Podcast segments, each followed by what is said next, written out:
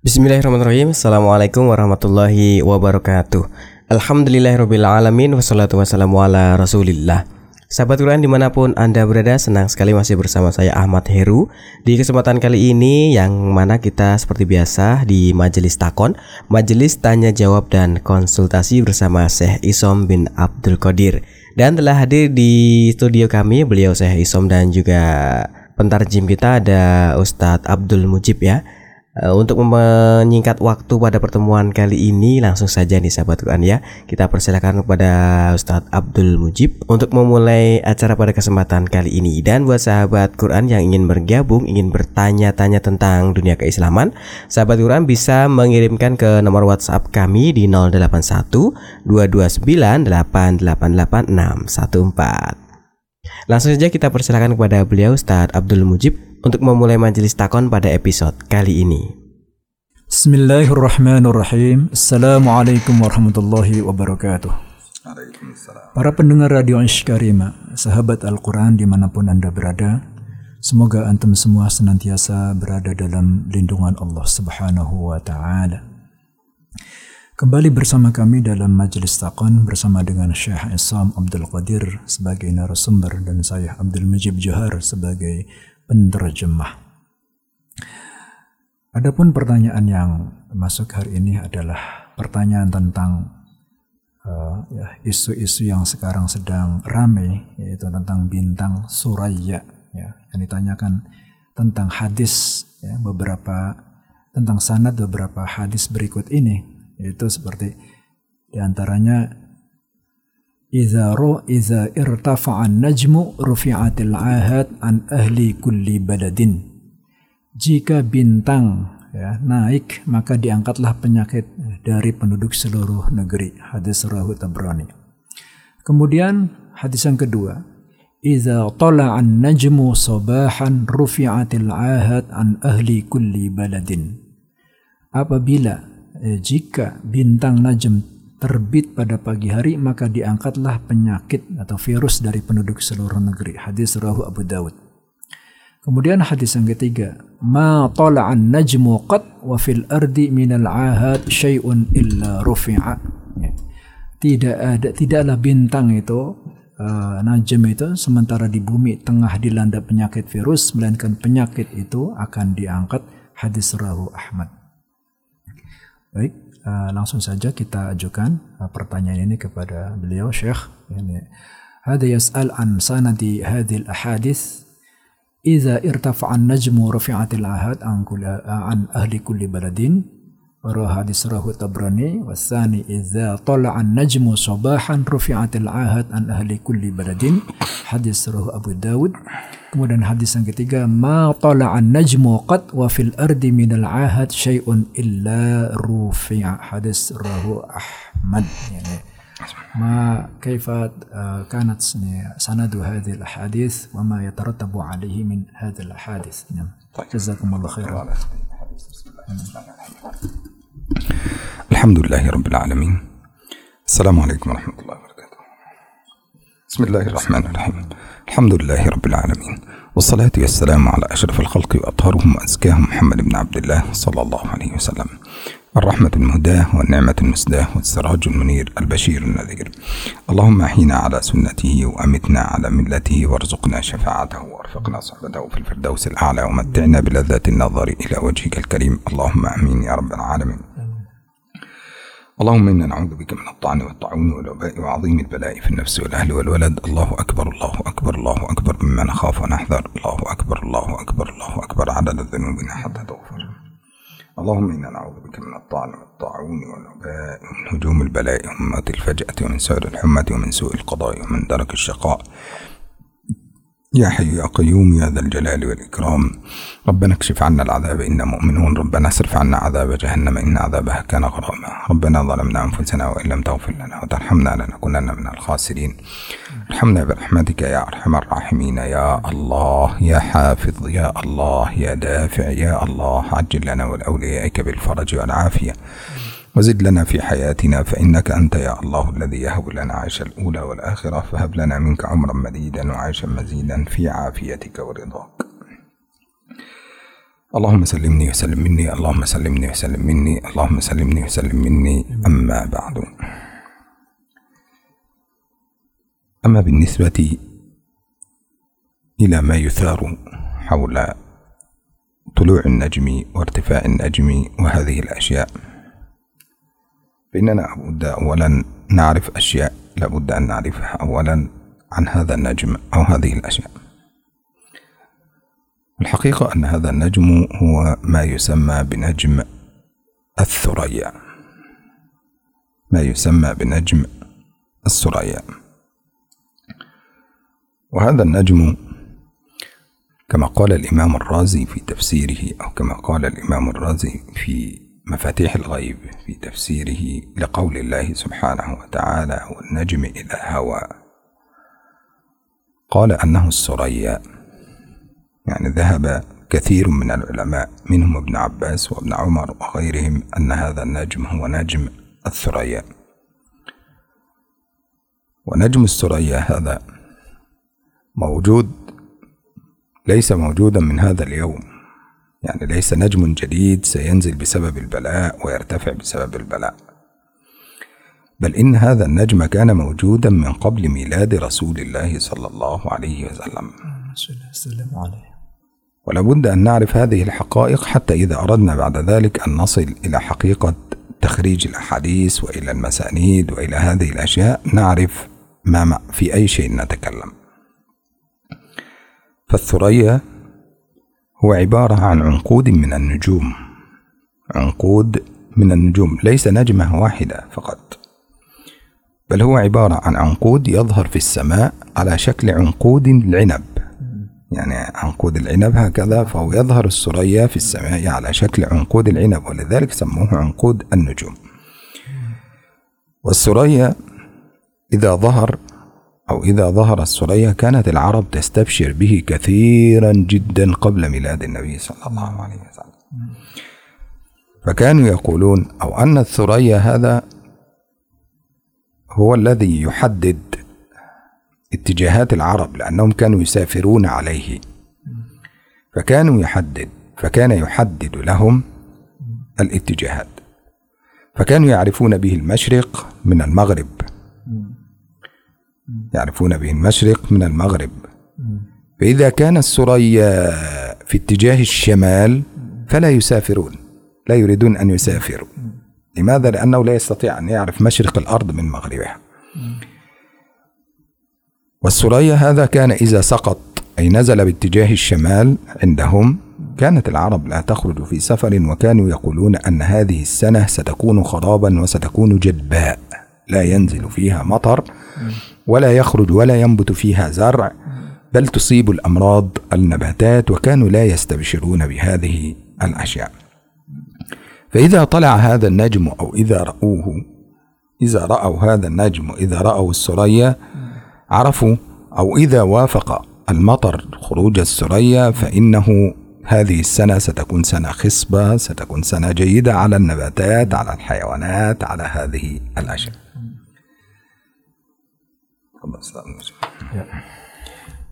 Sebelum kita berbicara tentang sanad hadis ini tentang bintang Suraya ini ya dan kemudian konsekuensi dari kemunculan bintang tersebut ya, kita perlu membicarakan dulu apa itu bintang Suraya ya.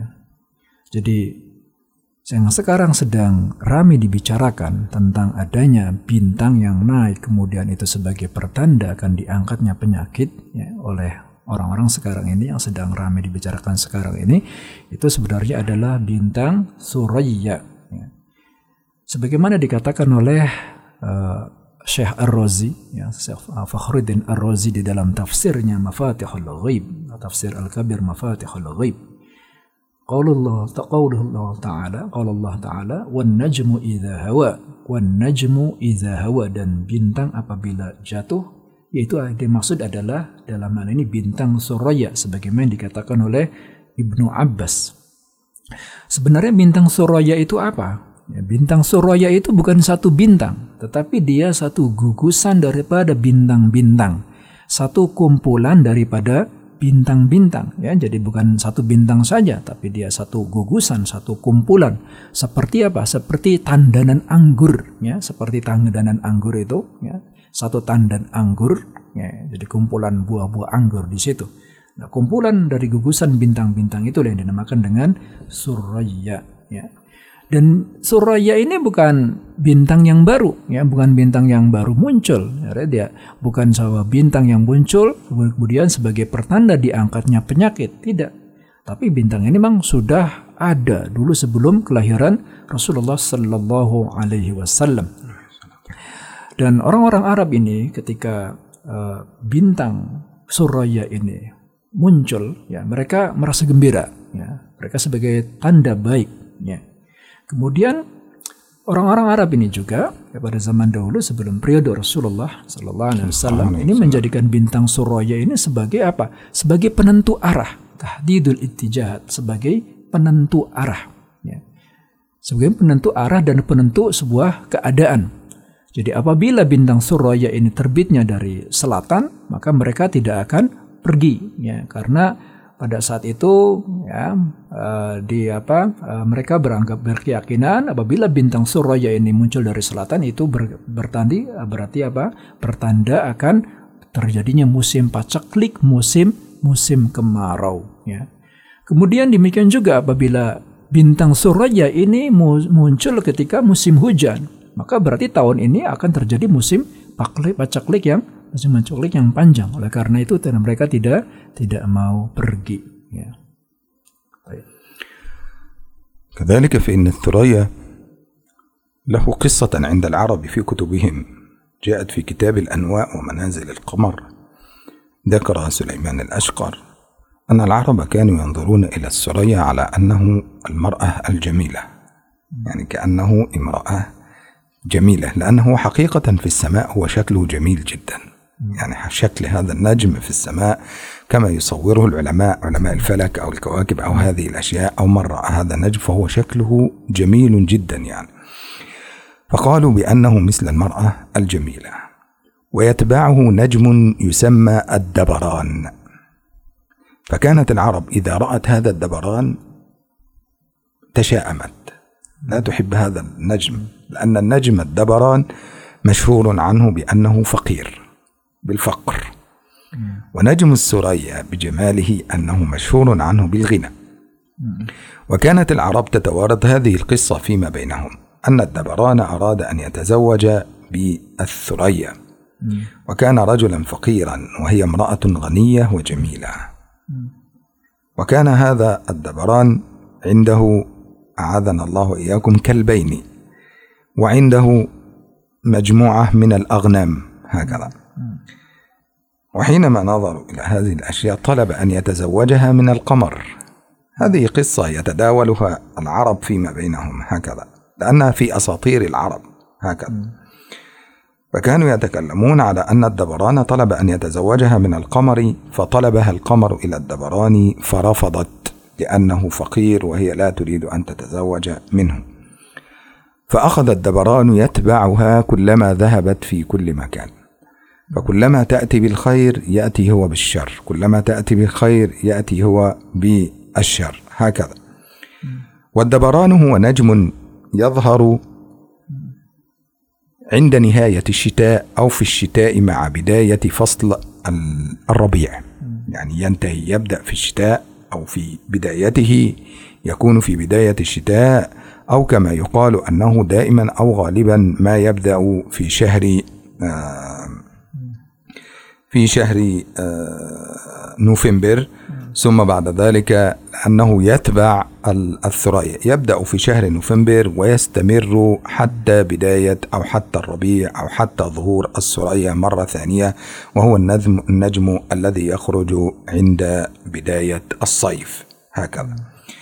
فلذلك قال العلماء أو قال أبو العباس وأبو العباس هذا هو أبو العباس محمد ابن تقي الذي يسمى بالأصم الذي يسمى بالأصم عند العلماء وكان حافظا فاهما ثقة صدوقا. قال أبو العباس ومن البحث في كتب الأوبئة ومن البحث في كتب الأوبئة فوجدنا أن كثيرا من الأوبئة تنزل في وقت الدبران وترتفع مع السريا هكذا Ya, baik.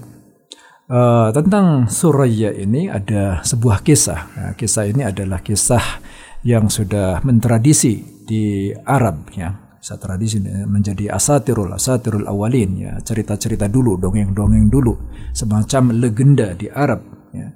Bahwasanya Suraya ini oleh orang Arab digambarkan sebagai seorang perempuan yang cantik ya. Seorang perempuan yang cantik.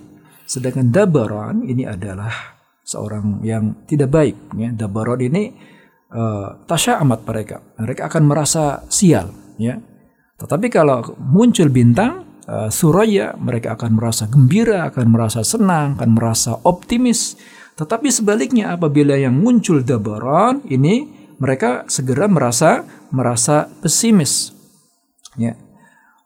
Ada sebuah kisah bahwasanya uh, Dabaron ini ingin menikahi uh, bulan, ya, tetapi bulan tidak mau ya menikah dengan menikahi dengan uh, Dabaron ini ya, karena Dabaron ini adalah seorang yang miskin ya Dabaron ini adalah profil profil yang miskin oleh karena itu Dabaron ya marah ya marah. Maka oleh karena itu di mana saja ini pergi ya Suraya ini pergi maka dia akan mengikuti akan mengikutinya dari belakang ya. Akan mengikutinya dari belakang. Sebagaimana kemudian apabila ya muncul uh, Suraya ya, segera di belakangnya akan muncul muncul Dabaron ya. Katakanlah seandainya Dabaron ini akan muncul pada uh, waktu eh pada musim pada musim uh, musim hujan ya maka bulan November kemudian uh, maka itu akan diikuti dengan akan diikuti dengan Suraya ya Kemudian dikaji ya berdasarkan riwayat dari Abu Abbas bin Ansam dan dia dia adalah seorang yang hafid ya wabinal abhas fil aubiah ya. Dan setelah melakukan kajian-kajian di dalam bab tentang penyakit tentang wabah ini ya Orang-orang Arab ini ya uh, mereka merasa mereka uh, apa mengetahui bahwasanya wabah penyakit ini muncul ketika Dabaron ini datang. Jadi ketika Dabaron bintang Dabaron ini muncul di langit, maka seketika itu juga muncul wabah penyakit. والحقيقة أن هذا النجم أو ما يتكلمون عنه بنجم السرية هو ليس موجودا في أساطير العرب فقط. يعني ليس موجودا عند العرب فقط في أساطيرهم. بل إنه موجود في هذا النجم السرية موجود في آه، الأساطير الصينية. فمثلا يسمونه عنده في أساطيرهم ماكاو هكذا. وماكاو عندهم هو النجم الذي سقط في فم التنين بالنسبة إليهم فبعد ذلك هو الذي يسبب لهم الخير وينشر عليهم الخير أيضا وبالتالي أو ما يسمى عندهم فنتج عنه الكواكب السبعة أو الأنجم السبعة التي يتحدثون عنها في آه في كتبهم أو في قصصهم أو التي بسببها كانوا يعبد بعض منهم النجوم.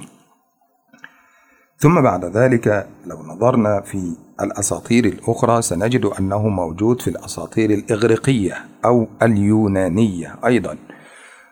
وكل هذه الأشياء كانت موجودة من قبل ميلاد النبي صلى الله عليه وسلم. يعني الأسطورة اليونانية كانت موجودة قبل ميلاد النبي صلى الله عليه وسلم. الأسطورة الصينية أو الكونفوشيوسية والبوذية وهذه الأشياء كانت موجودة قبل ميلاد رسول الله صلى الله عليه وسلم بخمسمائة عام.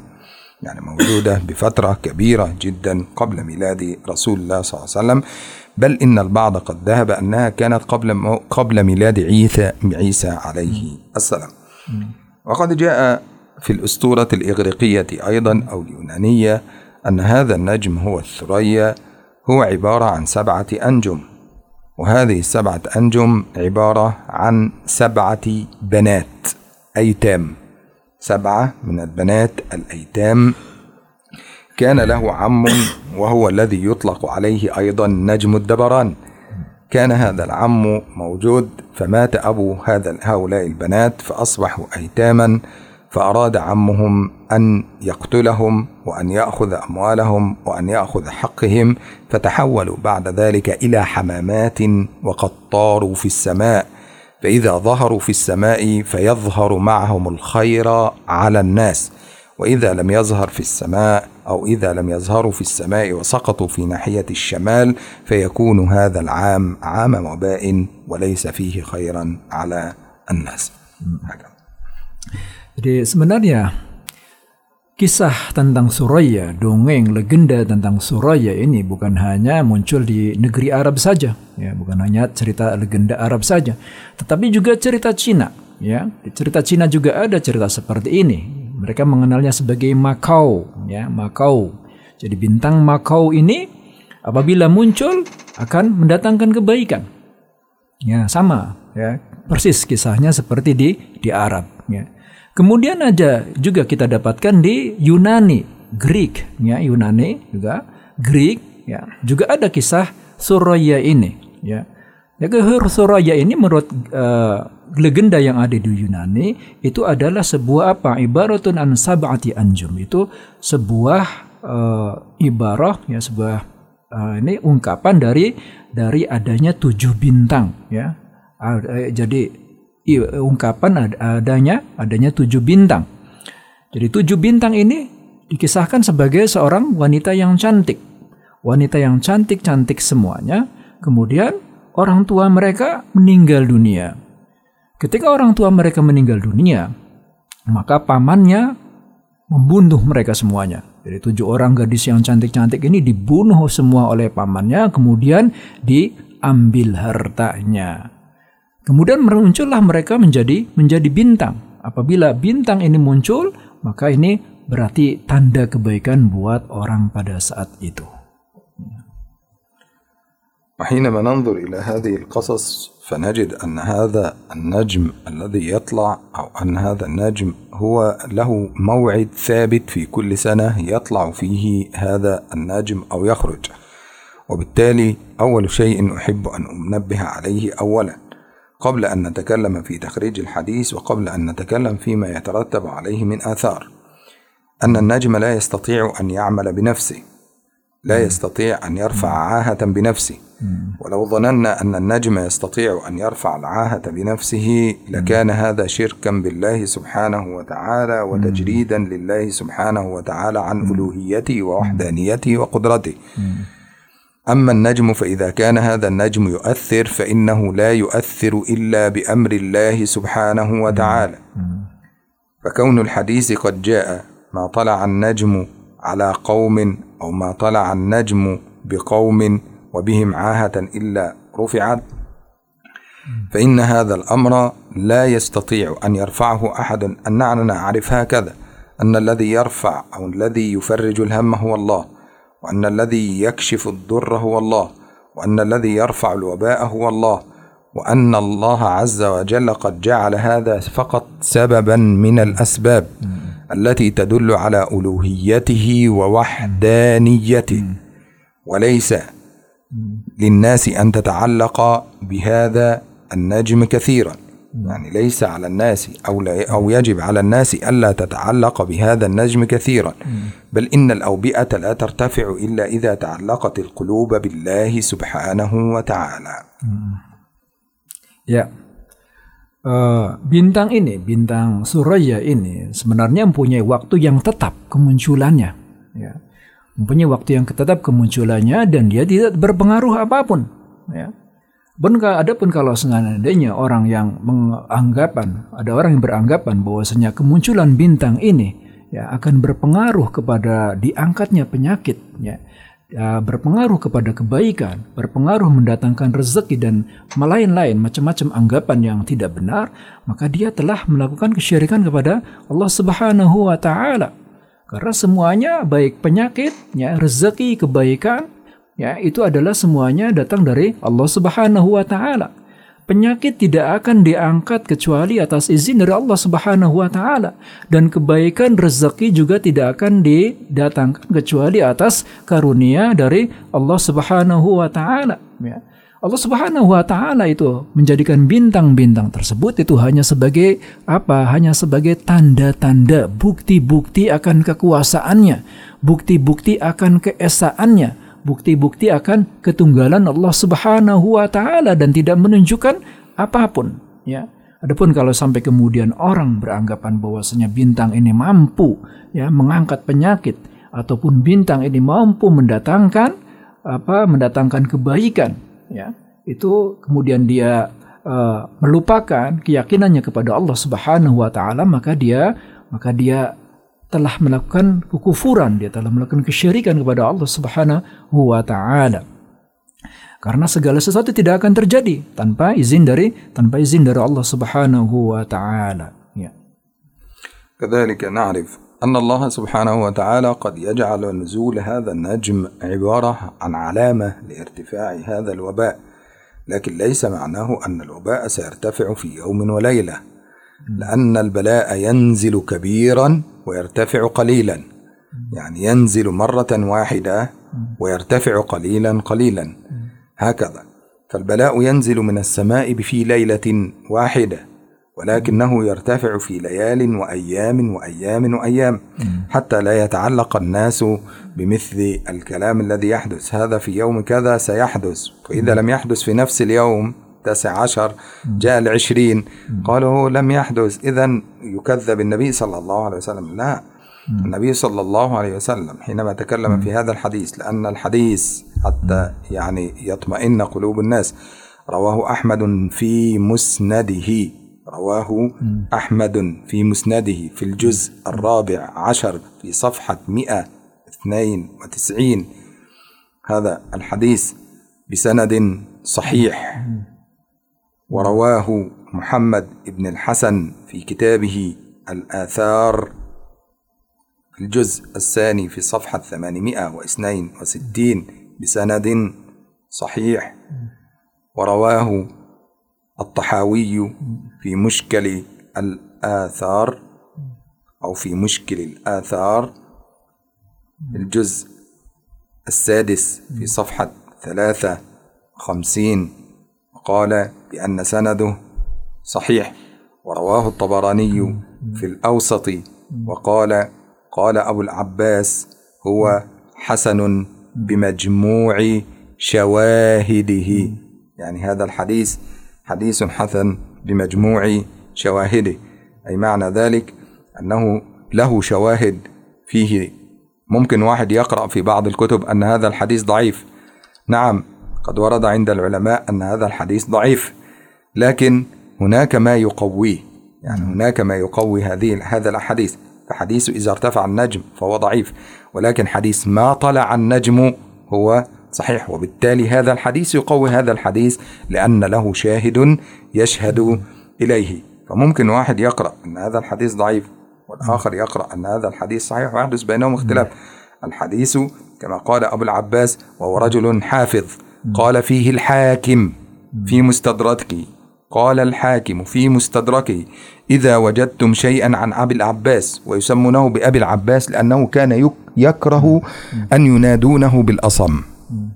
يعني يسمونه بأبو العباس لأنه كان يكره أن ينادونه بالأصم أو العلقمي فكانوا يقولون في كتبهم قال أبو العباس قال الحاكم في مستدركه إذا سمعتم إذا سمعتم قولا عن أبي العباس فخذوه فإنه حافظ ثقة صدوق فإني وجدته يحفظ على يد أبيه وأبوه كان من الحفاظ فإني وجدته يحفظ على يد أبيه وأبوه يضبط له الحفظ. يعني أبوه كان يحفظه ويجعله يتقن الحفظ. فكان رجلا حافظ متقن صدوق ثقة وكان مؤذنا في مسجد يؤذن لمدة ثلاثين سنة هذا الرجل. فلذلك في رواياته أو في كلامه عند العلماء فيأخذونه مباشرة يأخذون كلامه مباشرة لأنه كلامه آه هذا الرجل كلامه ثقة. إن شاء الله نكمل آه الشرح في هذا الباب ونفسر فيه أقوال العلماء. بعد تخريج الأحاديث غدا إن شاء الله Ya. Adapun tentang hadis, ya, ada hadis yaitu ma tala'an najmu ala qaumin illa ir, illa irtafa'a al bala. Itu hanya sebagai pertanda, ya, sebagai tanda-tanda akan diangkatnya penyakit. Ya, jadi bukannya berarti bintang itu, bukannya berarti bintang itu yang akan mengangkat penyakit. Tapi yang mengangkat penyakit adalah Allah Subhanahu wa taala. Tapi Allah Subhanahu wa taala menjadikan bintang itu sebagai tanda-tanda akan diangkatnya penyakit. Akan tetapi, kita perlu mengetahui ya, bagaimana cara Allah mengangkat penyakit ini. Ya. Sedangkan penyakit itu datang secara oh tiba-tiba. Penyakit itu datang secara besar, secara masif ya dan tiba-tiba. Tetapi Allah Subhanahu wa taala mengangkat penyakit itu bukan bukan dalam satu malam itu. Allah mengangkat penyakit itu pelan-pelan, ya, pelan-pelan bukan bukan seketika saat itu juga, ya. Ya. Oleh karena itu jangan sampai jangan sampai kemudian kita mendustakan hadis Rasulullah Sallallahu Alaihi Wasallam. Ya, karena hadis ini ma tala'an najmu ala qaumin illa ur illa irtafa'al bala itu adalah sahih ya sebagaimana diriwayatkan oleh Ahmad di dalam musnadnya. Kemudian Muhammad bin Abdul Hasan, kemudian juga At-Tahawi di dalam Mushkilul Athar, kemudian Abu Abbas Hasan di dalam uh, dia juga mengatakan ya mengatakan bahwasanya hadis ini sahih ya. Di sini ada dikatakan beliau mengatakan fihi majmu'un min syawahidihi. Di sana di, ada sekumpulan orang-orang yang menyaksikan akan kesahihan hadis ini. Kemudian Al-Hakim juga mengatakan Al-Hakim mengatakan apabila Abul Abbas ya. Beliau tidak mau menyebutnya sebagai Abul Abbas Al-Asam ya. Beliau menghindari sebutan Al-Asam beliau tidak suka ini. Beliau mengatakan apabila Abul Abbas mengatakan bahwa sebuah hadis itu sahih atau benar maka ambillah ya. Karena fa innahu hafidun saduqun thiqatun. Karena dia adalah seorang yang hafalannya kuat.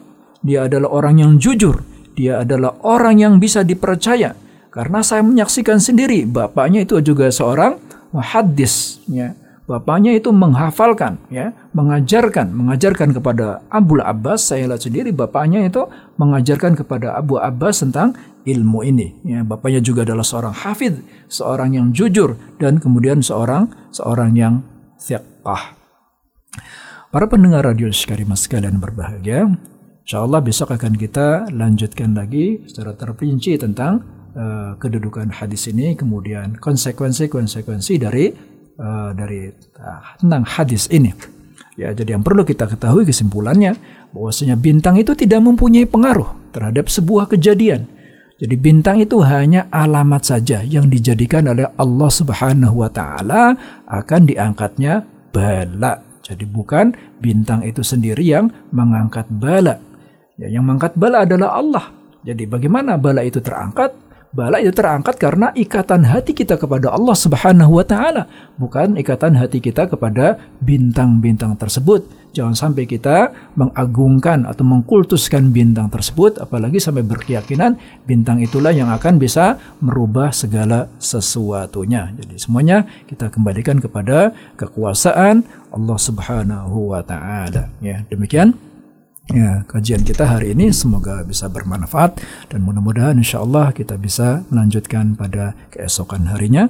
Jazakumullah khairan atas perhatiannya. Assalamualaikum warahmatullahi wabarakatuh. Waalaikumsalam. Waalaikumsalam warahmatullahi wabarakatuh. Ya sahabat Quran di mana pun Anda berada, demikian tadi majelis takon, majelis tanya jawab dan konsultasi bersama saya Isom bin Abdul Qadir dan juga mutarjim kita ada Ustadz Abdul Mujib.